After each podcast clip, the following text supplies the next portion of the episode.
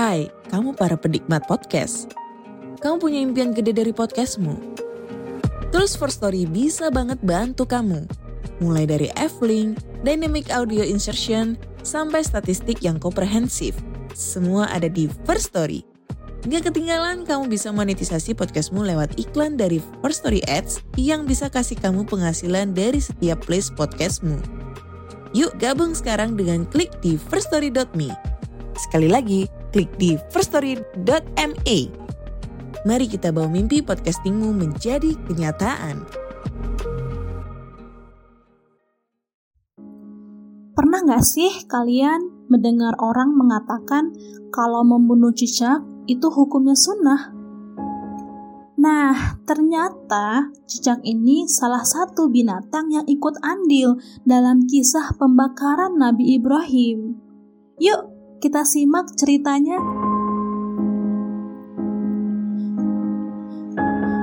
Assalamualaikum warahmatullahi wabarakatuh. Halo teman-teman, kembali lagi di podcast Cerita Sejarah Islam. Kali ini saya akan membawakan kisah pembakaran Nabi Ibrahim. Di episode sebelumnya yang berjudul Bapak Para Nabi, kami telah menceritakan tentang Nabi Ibrahim secara umum. Jangan lupa disimak ya, agar kalian bisa lebih paham dengan cerita ini. Yuk, kita mulai ceritanya. Sewaktu muda, Nabi Ibrahim merupakan seorang yang kritis dan pintar. Selain itu, ia juga merupakan orang yang memiliki keahlian berargumen yang baik.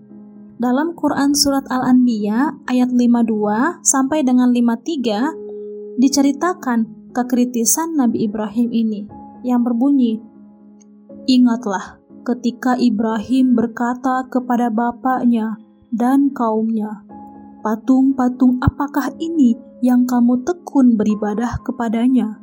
Mereka menjawab, kami mendapati bapak-bapak kami menyembahnya.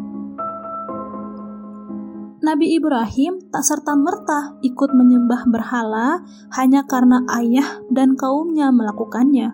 Untuk itu, sewaktu muda, Nabi Ibrahim berkelana untuk mempelajari mengenai Tuhan-Tuhan yang disembah oleh bangsa-bangsa di sekitarnya. Hingga akhirnya Nabi Ibrahim memperoleh wahyu dari Allah dan mendapat perintah untuk mengajak kaumnya menyembah Allah. Nabi Ibrahim memutar otak mencari cara agar orang-orang bisa berpikiran sama dengannya, serta bisa berhadapan langsung dengan Raja Namrud.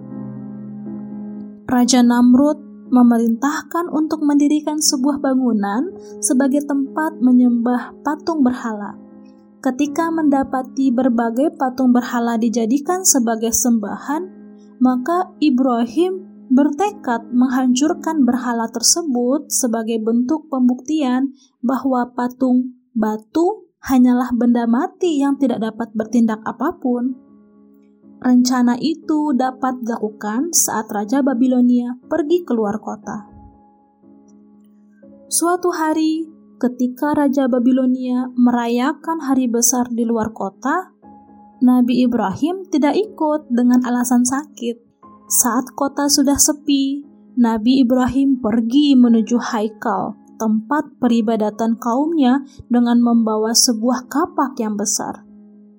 Dalam Quran Surat Al-Anbiya ayat 58 tertulis, Maka dia Ibrahim menghancurkan berhala-berhala itu berkeping-keping, kecuali yang terbesar induknya, agar mereka kembali untuk bertanya kepadanya. Nabi Ibrahim menghancurkan semua berhala di Haikal, kecuali sebuah patung yang paling besar. Saat Raja Namrud tiba di wilayahnya bersama sebagian besar pengikutnya, ia sungguh terkejut dan marah besar. Lantas, ia mencari siapakah dalang dari kerusakan berhala-berhalanya. Kemudian, salah satu pengikutnya yang tidak mengikuti perjalanan keluar kota melihat aksi Ibrahim, sehingga ia memberitahu kepada Raja Namrud bahwa Nabi Ibrahimlah orang yang merusak berhala-berhala di Haikal. Apalagi selama ini di wilayah tersebut, Ibrahim sudah dikenal berani menentang penyembahan berhala. Tak segan-segan dengan rasa marahnya, Raja Namrud meminta Nabi Ibrahim untuk menghadapnya. Wahai Ibrahim, bukankah engkau yang telah menghancurkan berhala-berhala ini? Tanya Raja Namrud. Bukan, jawab Ibrahim dengan tegas. Lalu siapa lagi kalau bukan engkau? Bukankah kau berada di sini saat kami pergi dan bukankah engkau membenci berhala-berhala ini?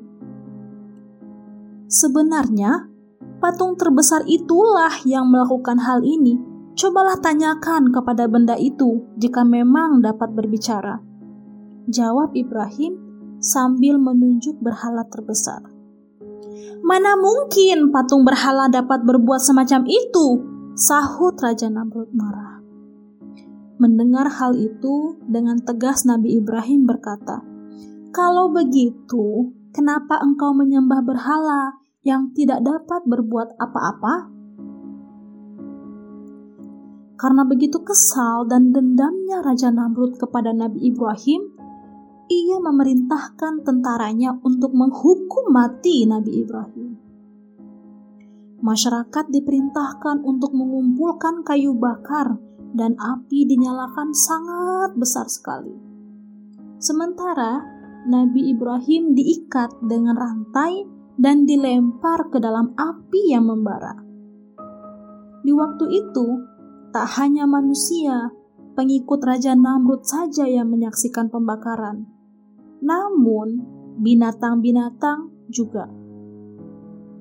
Ketika api mulai berkobar dan membakar Nabi Ibrahim, semut dengan susah payah berlari-lari membawa butiran-butiran air yang ada di mulutnya untuk memadamkan kobaran api yang membakar tubuh Nabi Ibrahim alaihissalam.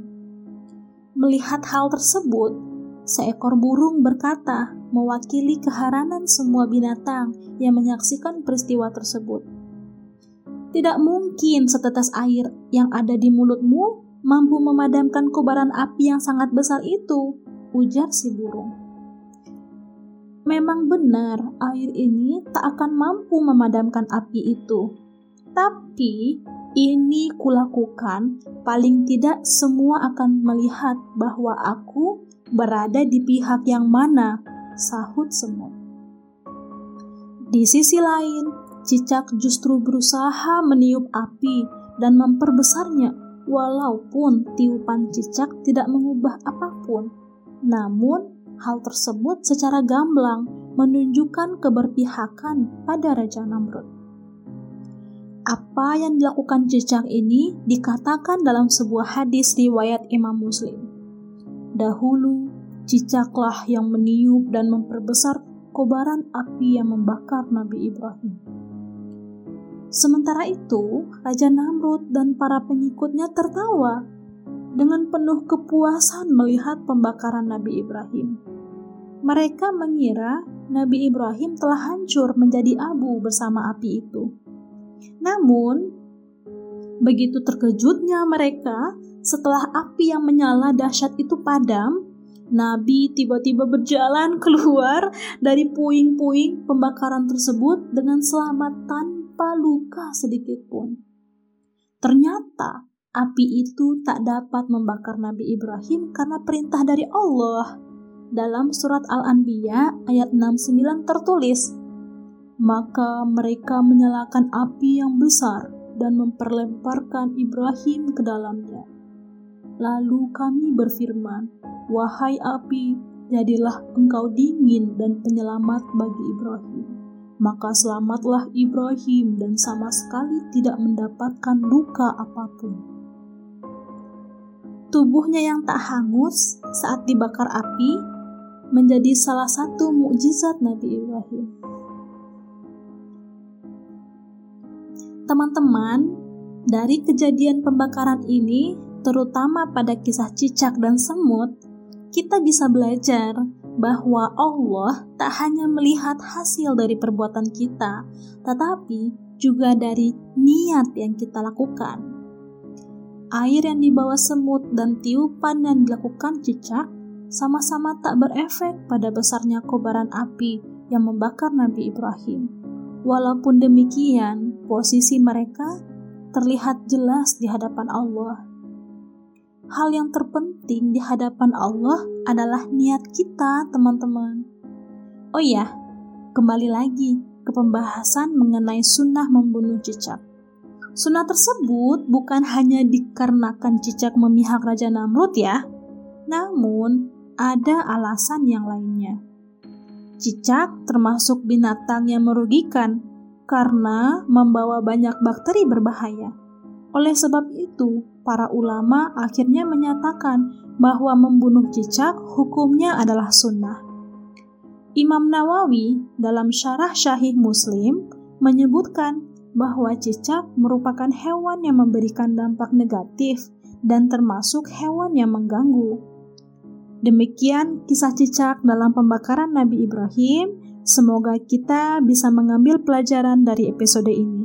Sampai jumpa di episode-episode berikutnya dalam cerita sejarah Islam. Sekian dan terima kasih.